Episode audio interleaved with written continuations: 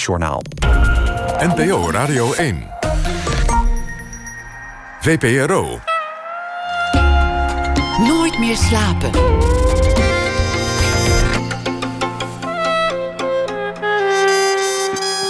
Met Lotje IJzermans. In Amsterdam werd uh, afgelopen woensdag het ADE, het Amsterdam Dance Event, geopend. En op diezelfde avond presenteerde onze gast DJ Joost van Bellen zijn tweede roman Nachtdier.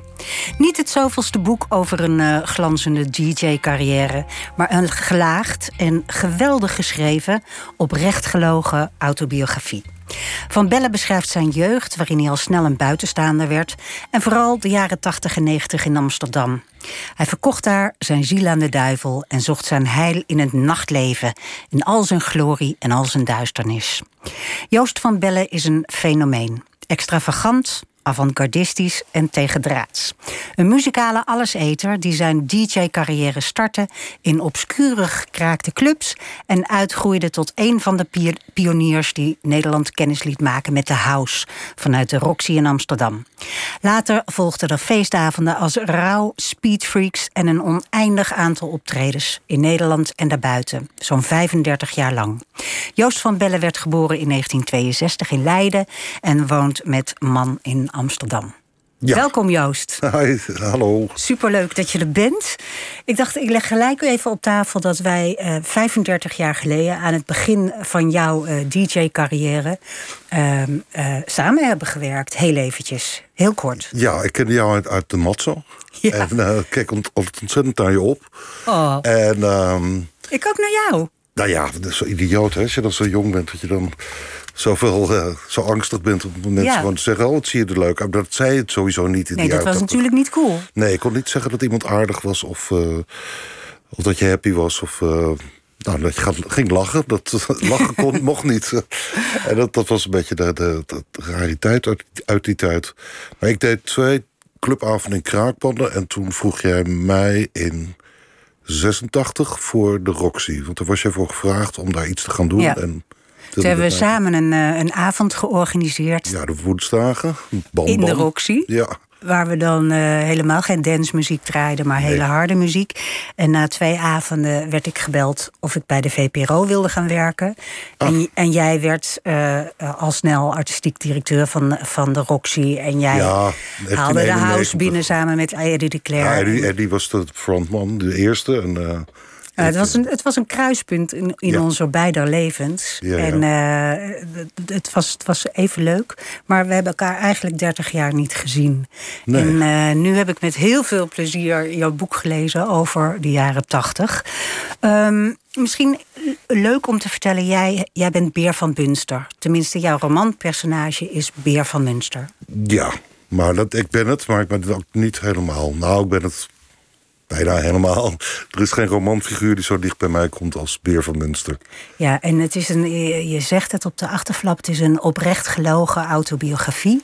Ja, Ehm, toch betrapte ik mezelf erop dat ik eigenlijk bij alles dacht, dat zal wel zo zijn. oké. nou, er is heel veel niet zo. Ehm, eh, mijn familie is heel anders, wordt heel anders neergezet. Mijn moeder is bijvoorbeeld 1,49 meter, geloof ik. Sorry mama als ik het verkeerd heb. En de moeder in het boek is nou zo'n struiselverschijning van 1,90 meter of zo. Ik heb geen zus, maar ik heb een broer. Eh, ik kom niet uit Rotterdam, maar ik kom uit Leiden. Ehm, die vriendenclub die ik beschrijf, die bestond niet. Dat waren andere mensen, maar zo'n beetje puzzelstukken in elkaar leggend kwam ik tot deze figuren. Ja, Ik moest toch allemaal distilleren tot iets, zodat het verhaal lekker werd. ja. In plaats van een biografie waar al snel mensen zich op de borst kloppen. Of ehm, waarin feiten.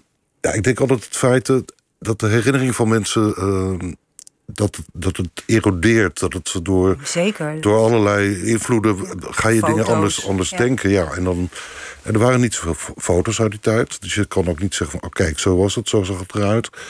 En ehm, eh, ik zag een documentaire op Netflix, How the Brain Works. En daarin eh, worden, eh, komen mensen aan het woord die 9-11 hebben meegemaakt. Dus de twee vliegtuigen die in de torens, zich in de torens boorden. En twee daarvan die waren helemaal niet in New York, maar die zijn ervan overtuigd dat ze het hebben meegemaakt. En dat zijn geen gekke mensen, maar dat, het, de hersens werken gewoon raar. Dus om een autobiografie te gaan schrijven, vond ik behalve het nogal narcistisch, vond ik het ook. eh, ik denk, nou, ik krijg allemaal, allemaal glazer mee met mensen die. eh, Die Zeg zeggen zo dat was, was het niet helemaal zo. niet. Ja, ja. Dus ik, ik denk, ik heb, maar ja, ik heb het allemaal, allemaal een beetje gekneed en gefluft en ge, Nou ja, Ja, dat is wat een eh, romancier doet. En, Ja. en dat heb je vol verven gedaan. Laten we het hebben over het gezin waar je wel uitkomt. Ehm, in, je, in je jeugd, je, je had best wel gelukkig getrouwde ouders. Je, je vader is pas onlangs overleden. Ehm, in 2014. ja. je, je, in je jeugd was je al snel, hield je een circus in de achtertuin. Ja, dat heb ik wel gedaan, ja. ja. En dat was, in, in je boek voer je dat op als een teken van dat je toen al bezig was met mensen entertainen. En Bij elkaar brengen en, en met een groepje iets neerzetten. En wat deed je precies in die achtertuin? ja, met, eh, met, met eh, volgens mij hadden we een parasol en daar, daar deed ik nog waslijnen aan.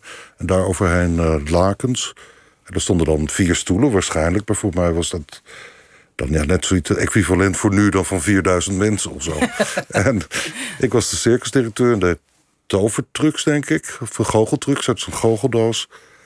En ehm, in het boek springt mijn eh, zusje, die komt tevoorschijn als sterke man.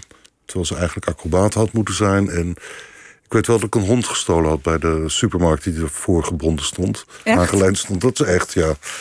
En ehm, dat was dan in mijn ogen een leeuw. En mijn fantasie was altijd zo groot dat eh, ja, ik moest iets neerzetten en mensen vermaken. En daardoor eh, een soort liefde terugkrijgen. Eigenlijk wat heel veel artiesten hebben. En eh, ja, zo is het gekomen. Ja. Dat zat er al, al jong in. Je, je vertelt ook in je boek dat je, dat je eigenlijk op school een, een buitenbeentje was. ja, maar dat voelde ik al heel snel. Ik, ik, Ja? ik weet niet waarom. Er was iets waardoor ik constant denken was. Mijn moeder zei ook dat ik al heel jong... Er ook een foto van. Dan zit ik aan tafel met mijn... Met, eh, met vuist tegen, tegen mijn voorhoofd, à la Rodin's Denker. Toen al een romanticus dus. En ehm, dat ging dan over, over als mensen overlijden. Vroeg ik van, wat is als, als je doodgaat? Ga je dan naar de hemel? En moeder, moeder zei dan, ja, dan ga je naar de hemel. En dan moest ik weer nadenken. En toen zei ik, ja, maar dat kan helemaal niet. Want al, vallen alle doden, alle lijken vallen naar beneden. En dat, eh, dus ik zette overal vraagtekens achter. Ik voelde al heel jong dat er iets anders was qua seksualiteit. Dus ik, ehm, ik weet op de lagere school, dan had je lijstjes van wie je, op wie je was, op wie je verliefd Ja, was. zeker. En dat wisselde je dan uit, met, daar had je het over met je vrienden. En dan had ik een lijstje met eh, meisjes, maar ik had ook stiekem een lijstje met jongens. En toen was ik echt, nou, dat moet tien geweest zijn, of Maar dat liet nog. je niet zien aan de andere kinderen. Nee, nee, dat verborg ik. Ja, ja. En dus ik wist dat er iets niet klopte. En op televisie zag je dat toen helemaal niet. Ik ben, eh, nee, die had Albert Mol, geloof ik. Waarvan Ja. het dan duidelijk was. En, ehm, maar zo voel, ik voelde me geen Albert Mol. En heel veel dingen wist je gewoon helemaal niet van dat, dat die gay waren. Zoals bij mij heeft het heel lang geduurd dat, dat Queen, de naam Queen eigenlijk gewoon een Queen is. Dus een, een, Ja. een homoseksueel. En dat, eh, ja, ze was wel meer wat niet duidelijk was. David Bowie was hij dan ja, biseksueel waarschijnlijk. En, eh, maar goed, dat, dat drong ook niet echt tot me door. Ik was wel heel groot dingen die fan. besproken werden. eh, de seksualiteit, biseksualiteit, homoseksualiteit, weet ik veel. Alle, alle soorten die je nu hebt. Ja, En, eh, die dat had je toen ook, maar dit, dat, Ja, daar werd niet over gesproken. Ja, maar ehm, eh, in je boek schrijf je over een hele akelige leraar die jou ook echt sarde. Ja, dan is het een sportleraar. Leraar lichamelijke oefeningen. Die had altijd eh, het- een soort genoegen had erin om eh, een paar van mijn klasgenoten en mezelf eh, eh, voor schut te zetten. Dus op die manier de sfeer in de klas eh, goed te krijgen. Dus vroeg dan om eh, vrijwilligers en dan wees hij altijd eh, ijskoud naar mij of naar een jongen die, eh, die, eh, die, die zwaarlijvig was. Of eh, zo door een jongetje met het, ik kan me herinneren met een kippenborst en champotglazen en veel te hoog IQ. En die, eh, die was ook elke keer de sigaar. En dan soms moesten we ook. eh, dan mochten we niet echt meesporten, maar dan waren we de eerste, tweede en derde honk. Dan moesten we tot een, bol- een bolletje eh, vormen op het veld. Eh, Of ik was doelpaal bij zaalhandbal. En dan ging hij voordoen hoe je, hoe, je, hoe je moest scoren. En mikte dan eigenlijk gewoon op mij. En eh, ja, dat is een, geen leuke man. Nee. En daardoor ben ik ook eigenlijk... Het sporten is, eh, is daardoor wel verziekt. Maar later kreeg een sportleraar... die vond het dan dat ik niet hoefde te sporten... als ik maar een, iets schreef, een, een, een, een werkstuk over iets. Nou, dat deed ik dan over anabole steroïden. Ja, de- nou, wat me opvalt aan je boeken over, over de jaren eh, tachtig, maar ook eerder, eh, de tijd dat je opgroeide, allerlei dingen die nu absoluut niet meer zouden mogen, Ja. waren toen allemaal heel gemakkelijk. Ik bedoel, Ja, het zou nu echt niet meer bestaan dat Nee. een leraar iemand pest om zijn, om zijn homoseksualiteit of om zijn. Nou, het bestaat nog wel, hoor. Ja, bestaat nog wel, maar dan Ja. krijg je gelijk ouders en eh en weet ik veel wie zich daar allemaal mee Ik gaan het, bemoeien. ja. Ja. Dat hoop ik ook. ja. Maar eh, toen was het niet zo. Wat, wat, wat ging je in Amsterdam zoeken? Waarom ging je naar Amsterdam? ja, weg, vrijheid. eh, Had dat te maken met dat soort dingen? Dat Ja, je- ook. Ja, Ja. ja. Zo van daar kan ik mezelf ontdekken, daar kan ik mezelf zijn. Dan kan ik me lostrekken uit, uit eh, de klauwen van mijn verleden. En daar kan ik mezelf ontplooien en ontpoppen. Je wilde acteur worden. Ja, dat ging niet goed. Nee, ik heb wel geprobeerd, maar eh, ik had te weinig levenservaring. Dus eh, toen ben ik maar heel veel levenservaring gaan opdoen. En dan ben ik er eigenlijk in blijven steken. Daar ben je nog steeds mee bezig. Ja. Maar beschrijf jezelf eens toen je in, eh, in Amsterdam aankwam. Ik was heel bleu. Ik vond het heel spannend. Ik zat op een leraaropleiding, de Witte Lady. En ehm, ik deed Nederlands-Engels. En ik, ehm, ik had, het was moeilijk om een eh, huis te vinden, eigenlijk zoals het nu ook. En belandde bij een studievriendin op een zolder. Waar ik een tijdje best wel mijn eigen koninkrijkje had. En eh, ja, ik liet me meenemen in van alles. En, en begon eigenlijk dat, dat, dat schooltje, of schooltje, dat, dat naar school gaan, vond, ik steeds minder leuk te vinden. Het schooltje. Schooltje, ja, dat, eh, steeds minder leuk te vinden. En, ehm, en ging de hele tijd uit. En ging naar dansen bij Jansen. Voornamelijk dansen bij Jansen, tot ik iemand tegenkwam. Die er zo, die zag er geweldig uit als een soort piraat. ehm, piratenvrouw, eh, Madame de Pomp- Pompadour-achtig. en die zei van, eh, kom ik neem je mee naar de Koer. En dat was een club van Eddie de Klerk. eh, op de Nieuwe Zuid-Voorburgwal.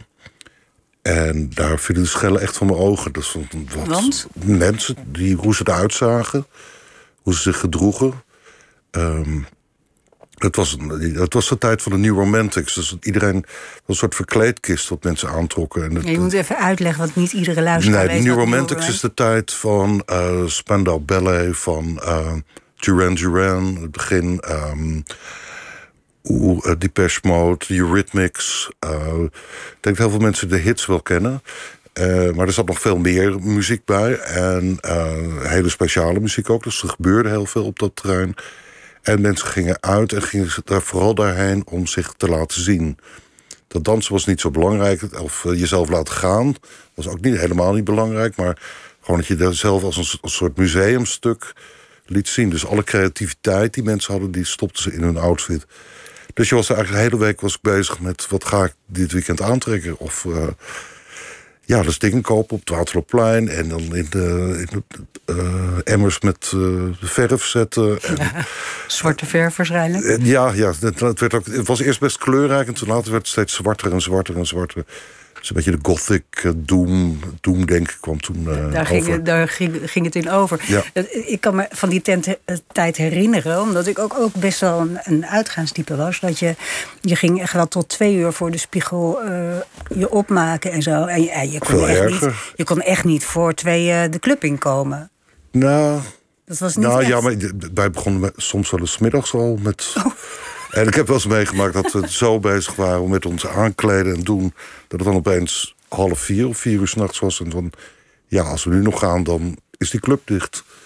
Ja, Dus dat was eigenlijk de- het voorbereidende werk was eigenlijk veel leuker. Of dat hield ons veel meer bezig dan het en, eigenlijk en wat uitgaan. was dat? Was, was het de belofte dat er van alles kon gebeuren in die club? Ja, dat je mensen kon on- ontmoeten, anderen kon zien. Dat je contact maakte met mensen die anders waren. En op een of andere manier daar een nieuw soort familie in vinden. Dus veel mensen uit de LGBTQIA, plus enzovoorts. eh, beweging, eh, die, die hebben zoiets van. Ik maak me los van mijn echte familie en ik ga voor een gekozen familie. Ja. Ik denk dat die vriendschappen die je dan maakt, dat die, dat die heel sterk zijn. En ik heb heel veel vrienden. Gelukkig heb ik ook een hele leuke familie nog steeds. Maar je, je probeert gel- gelijkgezinden of eh, mensen die inspireren probeer je te vinden. En eh, ja, ik keek mijn ogen uit. Er waren wat types die er rondliepen. Dat was eh, waanzinnig. ja, want jij was eigenlijk vrij bleu. Ja, ik was heel preuts ook. Als, als zag je er net zo modisch en, en opgemaakt en fantastisch uit als iedereen. Maar je was verlegen en onzeker en Ja. bleu. Hoe was Amsterdam in die tijd? Amsterdam was vies. Het was een robbeltje. Het was, overal lag straatvuil. Eh, heel veel panden waren vervallen of gestut met die grote palen ervoor. Ehm, overal graffiti. eh, postertjes. eh, heel veel leegstand. Heel veel krakers natuurlijk ook. Ehm, eh, ja, als je, naar, als je moest bellen, dan ging je naar een telefooncel. En als je geluk had, deed die telefoon het. En als je een nummer moest hebben, dan moest je het opzoeken in een, in een eh, telefoonboek. Had je zo'n hele rits van. Maar die waren meestal verbrand. Ja. Eh, de ruiten waren vaak ingeslagen. Je vond er soms een eh injectienaalden van junkies. Eh, ja, het was heel smerig. En dat is een prachtig decor natuurlijk voor het boek. En, en een waanzinnige tegenstelling met nu, waar alles zo keurig is aangevoerd. Ongelooflijk, hè? Je kan je bijna ja. niet voorstellen Nee. dat het dezelfde stad is. Waar je ook al snel eh, terechtkomt in je boek is... Nee, nee, ik wil eerst nog even weten... waarom maakte jij die vrienden en koos je die zelfverkozen familie... juist in de nacht uit, in het uitgaansleven? Omdat je die overdag niet echt tegenkomt. Eh, Omdat die mensen waarschijnlijk dan ook slapen, omdat het nachtdieren zijn. Omdat mensen in de nacht ehm, andere. Ja, in de, nacht, in de- nacht is alles anders, schrijf ik ergens. Dus het is een soort Jekyll en Hyde tussen dag en nacht. In de nacht gebeuren dingen die het daglicht niet kunnen verdragen. Eh, maar het geeft ook heel veel vrijheid daardoor.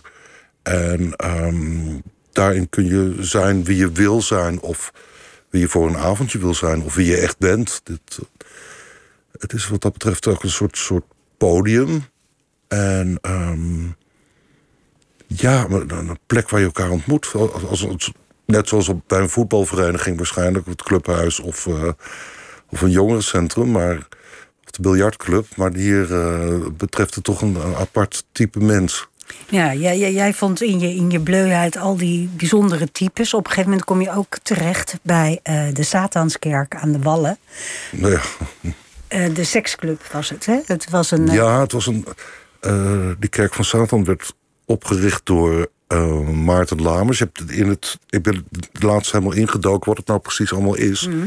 En ehm, eh, dan lees je die boeken, tenminste lezen. Het is, het is, een hoop is echt totale onzin. Of vond ik zo eng dat ik denk, ik ga het niet lezen straks. Heb ik een pukkelgezicht of, een, of iets anders vreselijk. Maar dan... ehm, eh, er was in Amerika een club en die, die noemde zichzelf de Satanskerk van een Anton LaVey. Dat, die Anton LaVey was een eh, mislukt circusdirecteur en acteur. Hey.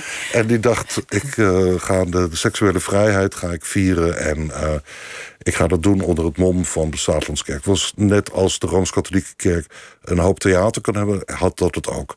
Het had verder geen kwaad in de zin... Uh, tenminste, tot zover ik het heb kunnen vinden, heb ik geen kwaad hierin ontdekt. En je had er dus ook zoiets op, uh, op de Wallen in Amsterdam. En er was, het, dat, er was dan een kerk, maar dat was een gebouw. En ik weet ook niet precies hoe dat nou allemaal zat er. Er was een, satanisch seminarium. Waar dan de, de, de zwarte nonnen uh, les kregen. Dus ze hadden studentenkaart. Waardoor ze in Nederland zouden kunnen blijven. Want het waren dan mensen uit andere landen. En die kregen niet zomaar verblijfsvergunning. Dus ook EU-mensen, die mm. moesten toen ook een verblijfsvergunning hebben. En dan was er de, wat nu bekend staat als de Bananenbar. Dat heette vroeger de Walburgerabdij. Uh, dus daar uh, het zaten dames op de bar en die deden allemaal trucs met hun uh, flamoes, om het zo te zeggen. En waar de klanten of de bezoekers. Ja, er was allemaal termino- terminologie die anders was. Ik werkte daar niet, ik diende daar. Ehm, Je was ook broeder ik Joost. was broeder Joost, ja. Ja. En ehm, ja, je moest elkaar dan ook zo aanspreken. En dat verrat je dan af en toe. En, ehm, en eigenlijk was het een hele grote truc om de eh, belastingdiensten te omzeilen. Ja, precies. We noemen het een kerk. En dan, en dan hoef je geen belasting te betalen. Ja. Dus het was, het was eigenlijk gewoon, waren gewoon een aantal seksclubs. Eh, ja, ik werkte in een, in een. Ik probeerde kaartjes te verkopen, maar dat Ja. lukte me helemaal niet. Ik was gewoon heel slecht in. Waarschijnlijk omdat ik homoseksueel was en er anders uitzag. Of een beetje raar uitzag voor de gewone toerist. En toen hebben ze me geupgrade of gedowngrade naar technicus in het, eh, in het sekstheater. En dat was meer een soort revue dan dat het werkelijk om seks ging. Het was meer de, de poeha eromheen en de, de striptease. En af en toe was het gewoon echt een klucht. Net zoals pornofilms in de jaren 70 en 80 heb je Ja. eerst de helft is een heel stom verhaal. En dan wordt er even gesext. En dat is nu ook helemaal niet meer. Maar dat, dat alles eromheen was veel belangrijker dan. En daarvan eh, verzorgde jij het licht en het geluid. En Ja, en ik moest gordijnen open en dicht trekken. Er zat een heel klein hokje, zo achter het theatertje. En eh daar had ik een microfoon voor me snufferd. En eh, rechts had ik het lichtpaneel en een, ehm, een volgspot die ik moest bedienen. En links had ik de schuiven van, de, eh, van het geluid. En dan drie cassettedecks. En de bandjes verwisselen. En ik moest dan elk stukje show aankondigen. Gordijnen wisselen. En het was eigenlijk best wel pittig werk. Voor, eh, ja, de show duurde volgens mij een half uur of zo. Maar dat is echt eigenlijk ehm, eh, waar je de, de ervaring hebt opgedaan... die je later in, in je hele Ja. beroepsleven... Ja. Ja, ook de manier waarop ik door een microfoon praat. Dat heb ik geleerd, daar geleerd. Want ik weet nog dat ik dan zei van de... eh, Goedenavond, dames en heren. Bonjour, mesdames en messieurs. Ladies and gentlemen, welcome to... En dan hoorde ik door de intercom... Je staat niet op een begrafenis. dus dan, toen moest ik echt van, met die acteurs, want dat waren het... Die gingen me dan eh, drillen om... eh, ja, ook al zat er maar drie man in het publiek... dan moest je doen alsof er 3000 man in het publiek zat. En hoe moest het dan? Uh, welkom, bienvenue, mesdames en messieurs, hier in het sekstheater. En uh, bla bla bla. Ja, dus bla, echt zoals op de kermis, zeg maar. Ja, ja, groter nog. Het was, was, ja, het was het theater, het allerbeste ter wereld. En het, eh, ze gingen iets meemaken wat ze nog nooit eerder mee hadden gemaakt. Nou ja, Ongelooflijk. en dat viel er vaak tegen. Ja, en, en, en er is daar een, een inval geweest van de Fiat. En eh, dat sekstheater werd afgestoten. En jullie hebben dat voor een euro, of voor een gulden. natuurlijk, eh, mogen kopen. Dus opeens was je eh uitbater van een, van een sekstheater. Terwijl je schrijft dat je zelf nog preutser was dan een begraven monnik. Ja, klopt. Ja. De eerste zin eh, heb ik helaas later moeten veranderen. Was, ik was nog maagd toen ik van de ene dag op de andere eigenaar van een sekstheater werd. En dat werd later. Ik, ik was nog maar net ontmaagd. toen Oh, ja. eh, ja, omdat het verhaal anders niet meer klopte, klopte en moest zo ingeschoven worden. Maar zo was het eigenlijk. Dus ik, ik deed seksshows en ging, zat in de porno-industrie eigenlijk van de Wallen. Maar ik was zelf, eh, eh, nee, ik was doodsbang voor seks. Ja. Voor mezelf dan. Dus Ja. dat is een hele rare... eh, Het is altijd, eh, in, in je boek vind je heel veel tegenstellingen in, in, in jou. Hè? Of in Beer van Münster, jouw Ja, ja. alter ego op papier. Inderdaad dat, dat je een sekstent uitbaat... en zelf heel, heel onervaren nog bent. Ehm, die continue behoefte aan aandacht... maar ook een enorme onzekerheid en bescheidenheid. Het, zit, het is allemaal eh, dubbel. zo dubbel als de nacht, zei ook iemand. Ja, het is heel kwetsbaar en heel hard. Ja. En ehm, ja, ik denk dat ik ook zelf wel zo ben. Ik ben best wel heel gevoelig en kwetsbaar. En eh, maar ben ik hard? Ik weet niet, ik kan hard werken. Ik, kan, eh, Ja. ik heb een harde humor en eh, ja, ik kan hard buiken als ik ga draaien ergens. Ja, ik weet het niet of ik zo hard ben. Nee, ik heb, dat heb ik niet gezegd. Nee, nee, nee. Ik, probeer, ik ben nu zelf aan het eh, nadenken. Nee, ik denk niet dat je, dat je hard bent, maar ik denk wel dat je heel veel tegenstrijdigheden in je, in je draagt. Het zoeken naar het randje, grenzen overschrijden en dan weer terugstappen. een beetje, beetje, beetje naar het gevaar toe, dingen die een beetje eng zijn. Of, eh, En die je zelf ook eng vindt. Want eh, Ja. je je was ook opgelucht toen je van die Satans toestand af was. Ja, ja, ja. Ik moest dan een keer naar, de Zwarte Mis. En dat moest echt, want omdat men wist dat de Fiat en de Vreemdelingendienst... eh, die wilden dat die kerk van Satan door de mand zou vallen. En dus moest ik naar de Zwarte Mis. Nou, ik vond het echt zo eng. En uiteindelijk ben ik daar beland. En er lag een naakte vrouw op een altaar. En eh, toen begon die hele poppenkast, de poeha. En ik, ik, ik ben, ben gevlucht. Ik vond het echt doodeng. Ja. Ja, lafaard ook. Nou, ik zou het ook doodeng van moeten Ja, ja. zeggen. Ja. Maar ik denk dat ik vooral heel bang was dat het een orgie zou worden. Want dat had ik gehoord. En toen dacht ik, ja, dan sta ik hier als homo-jongen... tussen allemaal heteroseksuele ja. Wegwezen. Ja. Wegwezen. Ja. Ik vertel even voor de mensen die nu eh, inschakelen. Ik praat met Joost van Bellen, DJ, over zijn eh, geweldige boek Nachtdier. Ehm, je schreef je boek eigenlijk als een eh, eh, raamvertelling. Hè? De, de, de ik-persoon is eigenlijk in het heden een boek aan het schrijven Ja, over ja. zijn eh, herinneringen. En dat heden is, is het moment dat, de dat de coronapandemie over de wereld raast en de DJ geen werk meer heeft. Ja, ja dat, dat kwam toevallig. Tenminste, die corona, Ja. de, de pandemie kwam sowieso natuurlijk vrij toevallig. Ehm, ik was al- een tijdje aan het schrijven. En toen in 2019 ben ik naar vrienden gegaan in Brazilië... die daar een hotel hebben. En ben er gaan schrijven. En eerst ben ik... De stukken die ik al geschreven heb... heb ik naar een bevriende auteur gestuurd. Die zei... ehm, antwoordde vrij snel. Hij zei... Nou, als eerste gooi alles maar weg. Eh, Oh. Ik voel niks. Ik, eh, je voert de poppenkast op. Ehm, nou, dat was echt... Ik oef, dat moet ik slikken. Maar binnen een kwartier had ik eigenlijk beslissing gedaan van... je hebt gelijk, je bent, ik, ik heb hem gewoon hoog zitten. Hij schrijft ook, eh, of hij geeft ook les in schrijven. Is Thomas van Aalten trouwens. Ja. En ehm dat gaat het gewoon doen. En toen ben ik opnieuw begonnen. En dat ging eigenlijk heel goed. En eh, ook nog gedurende het jaar 2019, 2020, begin februari, naar Brazilië weer gegaan. Zo van, nou, nu eh, ga ik eens even 2,5 maand knallen.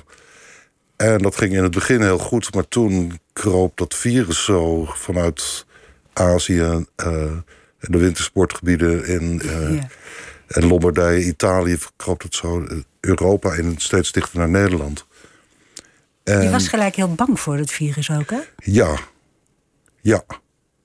Ja, ik, maar dat komt ook omdat die vrienden van mij daar en ik zaten constant op het nieuws te kijken. Ik kon bijna niet meer schrijven, want ik dacht, nou, wat, is hier aan de hand? Dit gaat, dit gaat wel eens iets heel, kan wel iets heel groots gaan worden. En ehm, dus we hadden abonnementen op al, allerlei eh, nieuws-apps. Van Braziliaans tot Amerikaans. eh, nou ja, de, de hele rambam. Ehm, Engels, natuurlijk Nederlands, eh, Frans. eh, alles moesten we weten. Dus we wisten eigenlijk meer dan wat men in Nederland wist. Dus wij, toen Geert Wilders zei, de grenzen moeten dicht...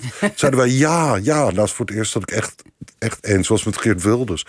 Dus, eh, en dat gebeurde natuurlijk later ook. dat, die grenzen dicht gingen. Maar we dachten echt, dit gaat helemaal verkeerd. Ja. En dan zei ik dat tegen vrienden in Nederland. En zeiden, ah joh, het is maar een griepje, stel je niet zo aan. En, eh, en toen dacht ik op een bepaald moment, weet je, ik ga in Brazilië blijven. Want hier is het goed en hier is geen eh, corona. En, dus dat hadden we zo bedacht.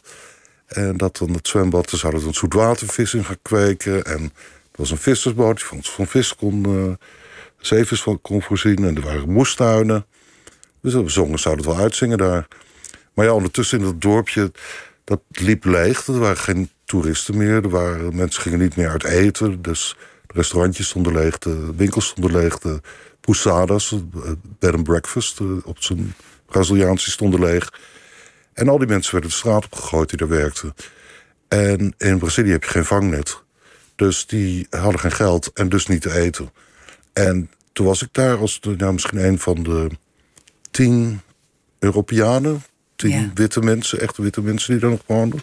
Of leefden. En dat werd dus best wel eng. Want dan denken mensen, kijk, dat is een Europeaan. Die is naar Brazilië gevlogen. Dus iedereen die naar Brazilië kan vliegen, die is rijk. Die heeft Tuurlijk, geld. ja. Die, die heeft een iPhone op zak. En die heeft eh, dit. Heeft een Je voelde je niet meer creditcard. veilig. voelde me helemaal niet meer veilig. Eh, En, en de mensen van het hotel zelf ook niet. Want we kregen prikkeldraad en een waakhond en extra security. En opeens werd het paradijs waar alles eigenlijk zo op een beetje hippie manier eh, goed voelde. Eh, dat werd opeens grimmig. En eh, toen zijn we als een dief in de nacht... zijn we daar eh, weggegaan zonder dat te melden aan andere mensen. Want het kon ook niet. Als, als mensen dat zouden weten, dan zou het misschien kunnen... dat ze dan ons zouden overvallen. En ja, de rest gekke dingen ga je, ga je over Het nadenken. klinkt ook wel een klein, klein beetje. Ik bedoel, ik- ik onderschat het niet, maar het klinkt ook wel een klein beetje paranoia. Ja, ik heb wel last van angststoornissen gehad. En nog wel een beetje. Maar de anderen in Brazilië zeiden ook van jullie moeten weg. Ja. Dit is echt Ja. niet goed. De Europeanen krijgen de schuld van het virus en jullie hebben geld. En gelukkig heeft die vriend, die had een... ehm ze heeft nog steeds een stichting. En via die stichting heeft hij allemaal geld binnengekregen... van de superrijken die daar een tweede, derde, vierde, vijfde huis hebben staan. En alle mensen die in het hotel komen. En, eh, dus die heeft daar heel veel geld op binnengekregen. En daardoor heeft hij nou, 1100 gezinnen kunnen onderhouden. Oh, wat geweldig. Ja, Ja. waardoor niemand dus van de eh, honger hoeft om te komen. En het ook geen ehm elitepaniek noemde hij het zelf. Dat je dat mensen, als, als de, de mensen die, als mensen het vo- het volk, om het zo even te zeggen, geen geld meer heeft, dan gaan ze naar de rijken om het dat wel te halen. En om hun eten te halen. En, dat, eh, en als dan de elite het volk te eten geeft, is dat eh, Dan is het weer opgelost. goed. Ja, Ja, ja, ja. het- het- let them eat cake, zei Mar- Marie-Antoinette ooit. En ehm, ja, dus het is, het is heel nobel dat hij dat gedaan heeft. Want hij, hij is de enige die dat gedaan heeft daar. En, eh, maar het is natuurlijk ook, ook een beetje zelfbehoud.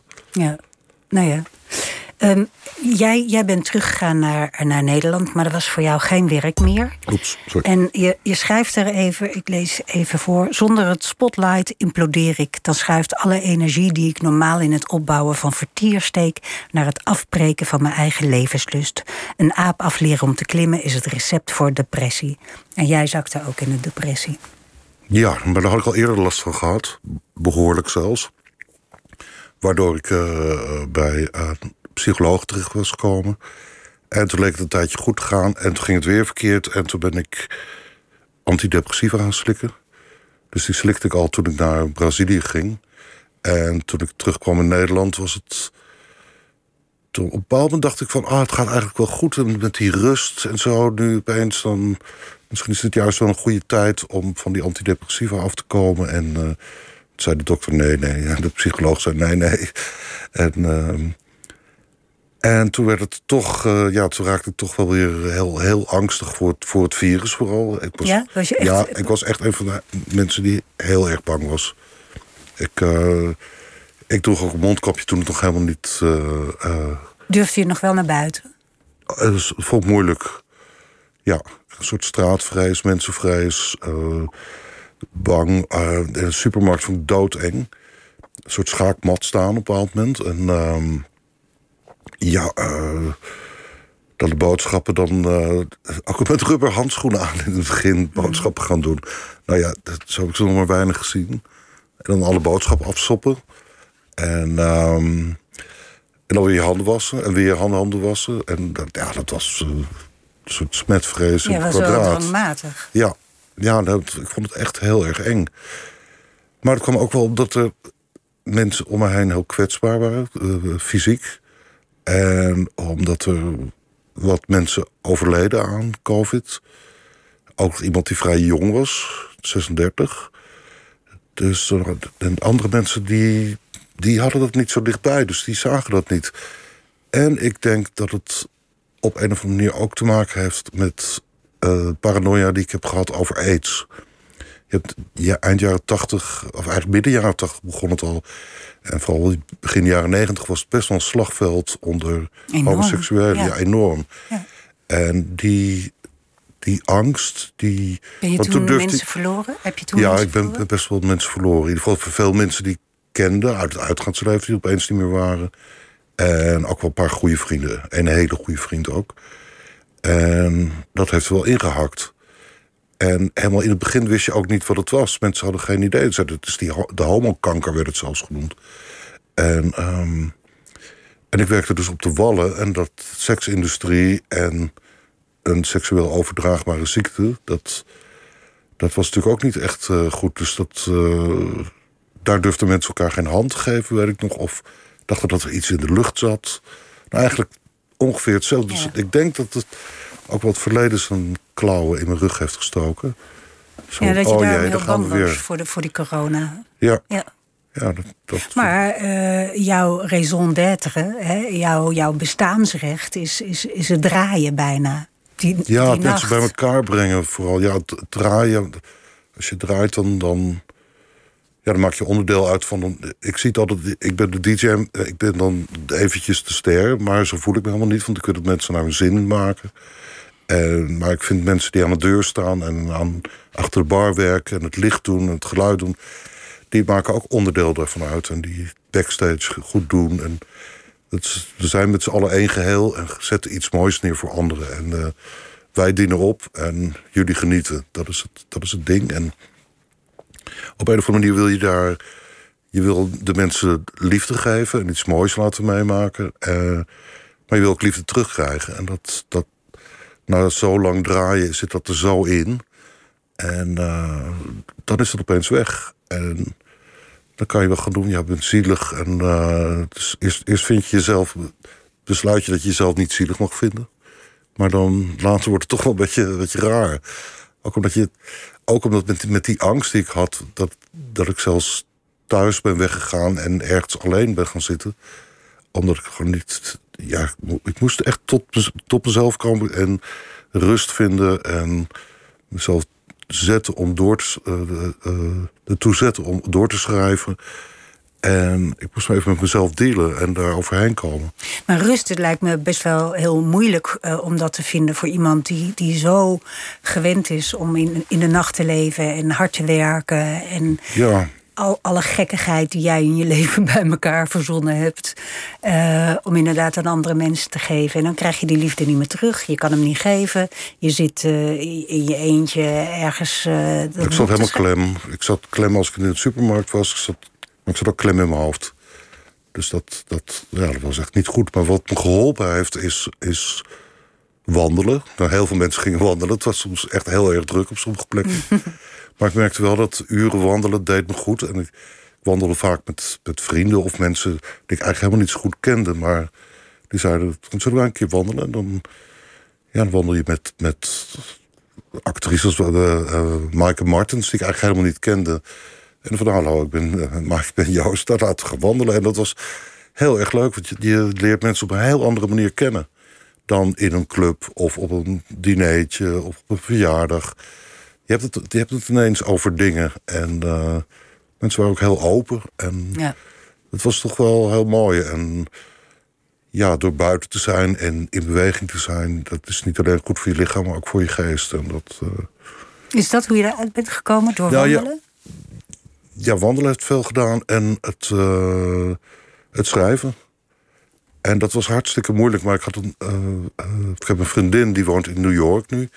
En die heeft bij uitgevers gewerkt in Nederland. En die besloot mijn stok achter de deur te zijn. Dus die was elke dag dan belden ze, of videobellen. Van, en hoe gaat het vandaag? En wat ga je doen? Welk hoofdstuk nu? En uh, dus die, zat, die zat er bovenop. En uh, zo dankbaar. Want het was ook nog best moeilijk om een uitgever te vinden. Want half Nederlands vroeg aan het schrijven, Ja, geloof ik. Ja. Dus uh, en ik, had, ik, ik had één roman, Pandaoog, uitgebracht bij uh, Karakter. En uh, nu had ik geen, geen uitgever meer. Dus dat was nog even angstig ook van ga ik wel een uitgever vinden. En gelukkig vond ik die bij Joost Nijs op een podium. Ja. Je, je, je, had angsten, je had depressie. Ik, ik, in, in, je boek le lees ik ook uh, ja, toch ook wel een hele melancholische kant. Over alles wat voorbij gaat. Heb ja. je veel last van, van, van melancholie? Ja, altijd wel gehad. Het was ook, ja, die jaren tachtig was sowieso een, een grote melancholische roman, romantische uh, toestand. Um, wat, wat, nee. wat, vond je zo romantisch aan de jaren tachtig? Ja, het, het, uh, er is een boek van, uh, van Goethe, het, het, lijden van de jonge ja, Werther. Ja, ja, ja, dat vind ik ja. prachtig, omdat er wordt zo, dat, dat lijden, dat, dat kan, kan op zo'n prachtige manier. Dat is net als, lijden als een romantisch ideaal. Ja, het zijn prachtige klassieke concerten of uh, stukken waarbij je ook helemaal meegenomen wordt mm. en moet huilen en het zo mooi is en zo. Je je zo raakt. Dus daar heb ik wel een beetje een zwak voor. En ehm, in het boek zit dat ook, maar het is ook wel daardoor een beetje een afrekening met die zucht naar altijd maar jezelf moeten bewijzen en altijd maar de hipste en de eerste zijn bij dingen en uh, genoeg volgers op social media hebben en ertoe doen en uh, actueel blijven, want anders krijg je geen boekingen meer. Dat is ook een, een angst die veel artiesten hebben. En um, Jij daar, ook? daar had ik heel erg toen ik begon met schrijven. Dat was eigenlijk de eerste drijfveer om te gaan schrijven, om daar een soort van mee af te rekenen. Maar door corona heb ik er echt wel mee afgerekend. Denk ik. Ja, weet ik. Ja, ik ben, word potdorie volgend jaar 60. En is het dan raar om als DJ in een club te staan? Nee. Vroeger dacht ik, oh, dat is verschrikkelijk. Oude man achter de DJ. Maar goed, er zijn ook allemaal popsterren die uh, heel oud worden, nog steeds leuk zijn. En uh, ja, ik kan gewoon gaan draaien, maar ik moet gewoon wat minder gaan draaien. En alleen maar de leuke dingen doen. Nou, helaas maar me, Helaas ben ik weer heel populair en er worden voor heel veel leuke dingen gevraagd. Ja, ik dus wou net zeggen, best volgens wel- mij vind je ook heel veel le- dingen leuk. Ja, maar er komen best wel veel aanvragen binnen op het moment. En het, het is wel een, een ommezwaai nu ook het, het boek uit is. Om van zo'n zo'n hele lange periode waar alles eigenlijk heel rustig ging. En op regelmaat. En dus wandelen, schrijven, koken, lezen, Netflix kijken. En daarbij was het wel gedaan. En, en dan opeens weer boem in, die, in dat gekkenhuis. Het is Amsterdam Dance Event. Mijn boek is uitgekomen. Ik zit hier nu in Hilversum. Eh, moet morgen eh, overdag afspraken. ADE, dan moet ik naar Tilburg. Eh, de volgende dag naar Dutch Design Week. En ja, het is weer de rollercoaster waarvan... Ja, en ben je daar nou blij mee? Want eh, ik kan me voorstellen dat die eh, na, na al na 35 jaar eh, nachtleven, uitgaan, draaien, feesten. ehm, dat je misschien ook wel blij was dat, dat met de introspectie die het je bood. Ja, ja dat, dat is ook wel geweest. Dat, en dat, en ook met dat je toch tegen wil en dank rust kreeg. Ja, dat klopt. Dat klopt. Het, het, het was ook. Het, het voelde ook alsof ik moest bijkomen van eh 35 jaar. 35 jaar lang tropenjaren.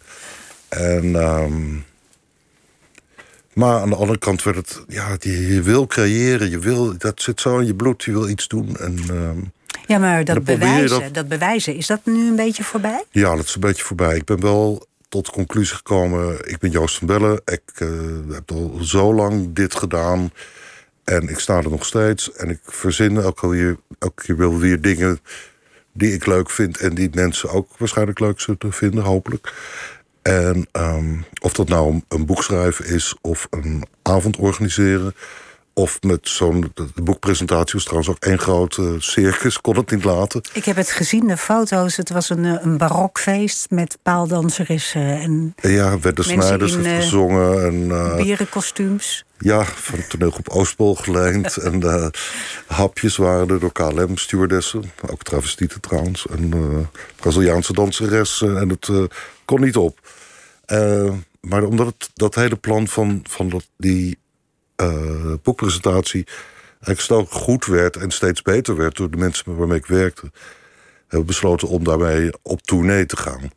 Oh, oké. Ja, want er was er ook nog de tijd dat het niet zeker was of het dagleven wel weer terug zou komen, of de clubs wel weer open mochten. Dus ze dachten, ja, er moet iets verzinnen wat op allerlei manieren neergezet kan worden. Dus eh Nachtdier op Boevenpad heet het. En met ehm eh, crowdfunding van Voor de Kunst heb ik daar geld voor bij elkaar gekregen. En eh, dan gaan we een aantal plekken. En dat kan, kan in een boekhandel zijn met. Een paar er is een boekhandel, ja, als het past. Misschien, maar het kan heel klein, maar het kan ook groot. En het kan op allerlei manieren. Het kan eh, in een bezemkast en het kan in eh, de Ziggo. Nou, Dus, dat, eh, daar kan iedereen naar uitkijken.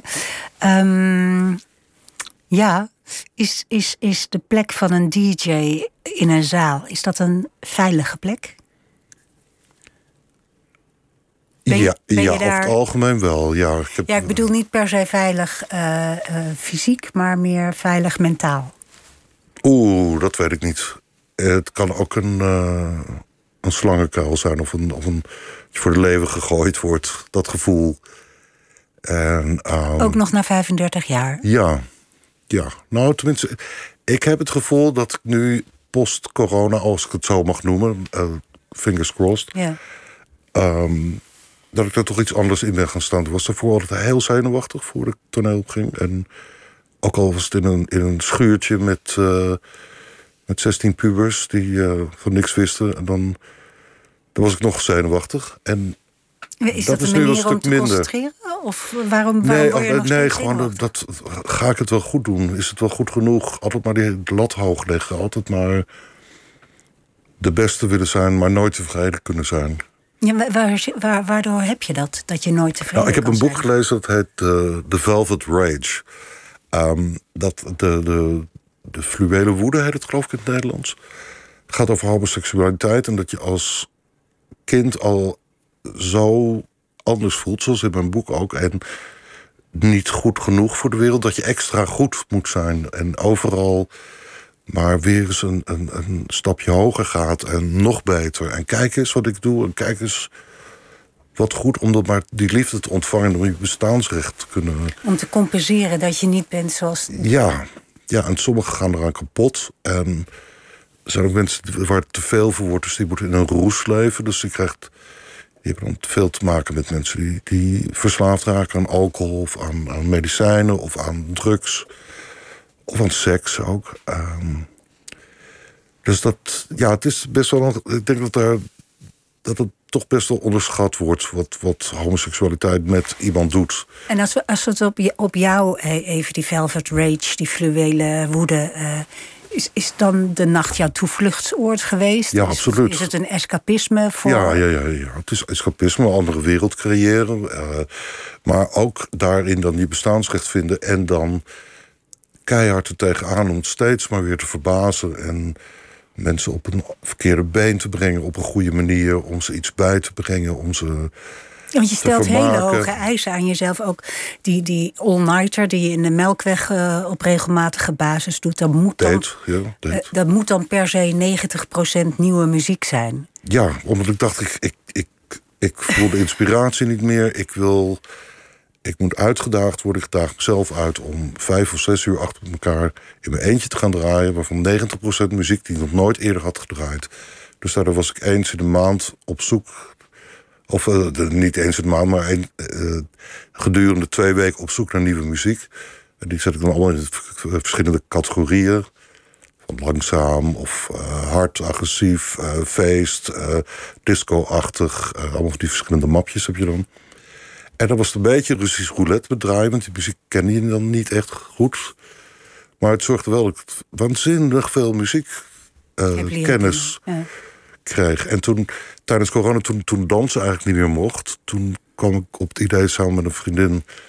om terug te gaan naar de roots van uitgaan, of bij elkaar zijn. En wat is nou entertainment? Het was altijd verhalen vertellen. En, ehm, en liedjes zingen. En wat is de muziek die, waarin verhalen worden verteld... die dan in een liedje passen, dat is country en western. En toen dachten we ook aan, ja, als je een cowboy bent, je stapt op je paard, je, gaat, je hebt weinig nodig, je bent in de natuur, eh, de vrijheid heb je, je kan gewoon gaan waar je wil, er is rust. En bij het kampvuur eh, zing je mooie liedjes. Toen dachten we, oh, dat is wel heel, eh, heel wit en ehm, eh, rednecks. En toen kwam ik erachter dat eh, eh, de zwarte cowboy eigenlijk door Hollywood helemaal is weggestreept. Een derde van de cowboys was, eh, was van kleur. En een derde was Mexicaans of Latijns-Amerikaans. Dus die, die, die superheld witte cowboy, ja, daar waren er een paar van, maar er waren er net zo goed een hoop andere. En toen dacht ik, het is heel erg eh, hetero. En toen kwam opeens eh, Lil Nas. Ja. Eh, die rapper, die jonge rapper die, eh, die hartstikke gay is en dat, en dat met liefde promoot. En die, die kwam met een, met een country nummer. en het zag helemaal uit als cowboy. En heeft die Little Nas ook gedaan. Wat ik eigenlijk in het boek doe. bij zijn nummer Mo- Montero, daar Zijn videoclip heeft heel veel, heel veel, eh, eh, heel veel relletjes is er door Ja, nogal eh, eh, pittige videoclip. Ja, want hij begint eh, in de hemel.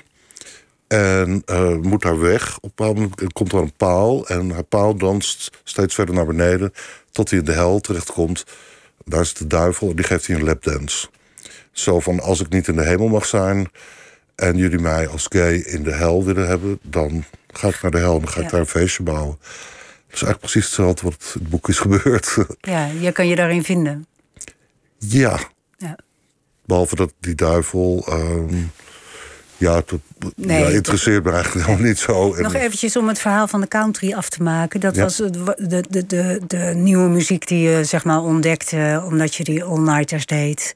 Nou, niet omdat die onnouders omdat die onnouders ook niet meer konden. Dus dit, dit deden Nee, we. nee, nee, ja, maar... ja, oh, ja. je deed het daarna. Ja, daarna in de Toen de coronatijd. corona, ja. En toen ben ik dat gaan draaien en toen gingen mensen voorlezen. En er waren mensen met circus acts en we hadden eh, barbecues en eh, Allemaal buiten. allemaal buiten. Ja, het was heel, heel erg leuk. Ja.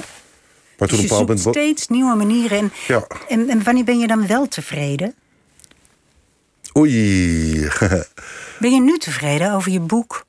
Eh, ja, dat durf ik. Dat vind ik moeilijk. Maar ik, ik word steeds tevredener als ik eh, reacties hoor van mensen. Dan denk ik van, oh ja, ik heb toch iets goed gedaan. En als ik het zelf inkijk, denk ik, oh, die zin had misschien dit of dit had misschien. Of had die regel niet even kunnen verspringen? Of had ik dat niet eruit moeten halen? Of, ja, je kan bij alles vraagtekens zetten. En je kan wel. Kan mijn leven bezig zijn met Ja, dat boek. met- Op een bepaald moment moet ik loslaten. En eh, ik heb het gedaan en het moet gewoon een tweede komen. En die gaat er komen. En ben je tevreden? Vraag het nog een keer, want je hebt eigenlijk niet echt... Ja, ik ben, ik ben tevreden, ja. Ja. Ik ben heel blij. Het is, het is een hartstikke mooi boek. En ik vind het ook heel te gek dat, dat ik een uitgever heb die dan het boek vastpakt en die dan zegt ruik is. En dan hoe, moest ik het boek ruiken, ik moest voelen, want er zit een speciale laminaatlaag overheen waardoor het lekker voelt. En er is een, zoiets als een flapwaarde. Mag ik het boek eventjes? Mhm. Ja. Zal ik even de flapwaarde laten horen. Dat is dit. Dat heet zo? Ja. Ja. Mensen, Het klinkt lekker. klinkt geweldig. Het klinkt lekker, het ruikt lekker, het voelt lekker. En het Ja. leest lekker. Dus dat, eh, Ja, het leest heel erg lekker. Het is, het is eh, gewoon een, een, eh, een talent. Je kan schrijven, je kan ermee door. Is dat ook de bedoeling dus? Ja, ik wil wel doorschrijven. Ja, ja. De combinatie DJ en schrijven is moeilijk. Dus ik moet wel. Ik heb voor begin volgend jaar heb ik in ieder geval wel weer tijd ge- vrijgemaakt. Een paar maanden om eh, volledig daarop te concentreren. En ja, bespaargeld, dus ondertussen heb ik allemaal doorheen gejaagd door corona. Maar ik ben ook wel gewend geraakt om met minder te leven. Je bent nooit zo'n DJ geweest die, eh, die eh, zoals de Chesto's en de Hardwells... die stinkend, stinkend, stinkend rijk is geworden. Nee, nee, nee, nee, nee. Was geld ook nooit de inzet? Nee, geld is nooit de inzet geweest. Ik denk dat ik op een punk manier met dancemuziek ben begonnen. Do-it-yourself mentaliteit. Dus zelf iets beginnen, illegale plekken, eh, ergens in iets geloven, bepaalde levensstijl, bepaalde jongere cultuur. En dat, eh, dat vuur aansteken en dan ja, dat, dat house zoiets groots is geworden. En dat er Hardwells en Tiesto's en Martin Garrix zijn. En Armin van Burens. Nou, dat vind ik ongelooflijk. Dat, eh, Ja. Dat, dat, dat, eh, maar dat zou ik ook helemaal niet kunnen. Mijn moeder zegt dat waarom draai je dan niet dat soort muziek? Van, eh, maar ja, ik ben wie ja, daar ben je gewoon te punk voor eigenlijk. Ja, ja, Te tegendraads. ja. Er moeten ratten in de kelder zitten, zeg ik. En dat... Want anders, als, als er iets niet knaagt of iets niet wringt... dan wordt het te mooi en dan worden mensen lui. En dan, dan wordt het misschien wel ook een beetje gevaarlijk. Dat het, eh, ja, dingen moeten in beweging blijven. En mensen moeten bij de pinken blijven. En, ehm, Is dat ook niet dood, dodelijk vermoeiend, Joost? Je bent dan nu bijna 60. Ehm, mogen die ratten ook niet een keer gewoon in slaap vallen? En Ja, dat doen ze jij, ook, hoor. Dat jij te, gewoon tevreden bent en dat die fluwele woede niet meer Oh, hoeft en al die dingen. gewoon lekker koken thuis. En eh, naar eh, series kijken als Frank and Gracie of de Kominsky Project over oude mensen die het leuk hebben. Dat, ja, dat ik of, eh, ik kijk heel vaak natuurseries. maar, maar je kan alles vragen over het paargedrag van de prieelvogel en de, en de trek van de, van de flamingo's. Ik, ik, ja, daar ben ik aan verslaafd. Het geeft een soort rust. Eh, dat is heel fijn. Je boek heet Nachtdier. Eh, ik heb het ook heel erg gelezen als een ode aan de nacht. Ja. En ik vroeg me af, wat, wat is er groter? De, de, de liefde voor de nacht en, en, en de, de mensen die de vrijheid durven voelen in de nacht. Of de liefde voor muziek? Oeh. Voor mij is het is mijn vak DJ'en en feesten organiseren is niet de eerste drijfveer de muziek, maar is het mensen bij elkaar brengen en is muziek daar een, de motor voor om dat te kunnen doen. Ja, Dus dan is het toch dat eerste. ja gaat, Ja. gaat echt om de nacht. Ja, maar het kan ook overdag. Blijkt Nu, tegenwoordig. hè? Ja, want om 12 uur moet alles dicht. En dan moet iedereen netjes naar huis. En, eh, Ja. en dat gaat bij jou ook zo, toch? De komende Ja. dagen. Ja, ik had het afgelopen, ja, ik had het afgelopen zondag al, de melkweg, dat om 12 uur ineens iedereen weg moest. En morgen draai ik in ehm, Tilburg. Tilburg, in de smederij. Doe ik voor het eerst weer een echte lange set van vier uur. En daar heb ik heel veel zin in. En ik signeer boeken daar. En dan op zondag draai ik in de middag voor Mediamatic op de Gentle Disco tijdens Dutch Design Week. Dan draaien we op eh, zakken met afgekeurde paddenstoelen. Ja, als je er wil komen, dan moet je maar even lezen waarom allemaal. Maar het is heel leuk. En op woensdag draai ik van einde middag tot denk ik 12 uur samen met St. Paul in ook Dutch Design Week voor Het lijkt me heel gek om, om ons middags eh, te draaien. Het lijkt me toch heel anders. Ik heb nog één laatste vraag. Ja. Heel kort. Wat was je favoriete periode in die 35 jaar DJ zijn? Oeh, ik denk de, de begin van rouw. Dus eh, zo rond 2003, 4, 5, denk ik. Want? Omdat daar dancemuziek en punk en eh, bandjes... dat komt allemaal bij elkaar. Dus je had opeens speeches en je had... eh, eh, er allerlei bands die opeens konden... en daardoor kwam alles bij elkaar en dat was goed. Joost van Bellen, ik dank je ontzettend dat je gekomen bent. Eh Nachtdier verscheen bij uitgeverij Podium en ligt in de betere boekhandel. Maandag is Nooit meer slapen er weer en dan schuift Gumba aan... om het over eh, zijn schilderwerk te hebben. Straks op deze zender Vink.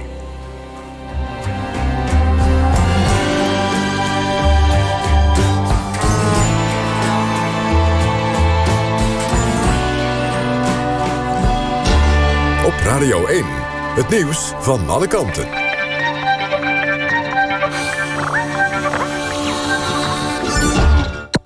NPO Radio 1.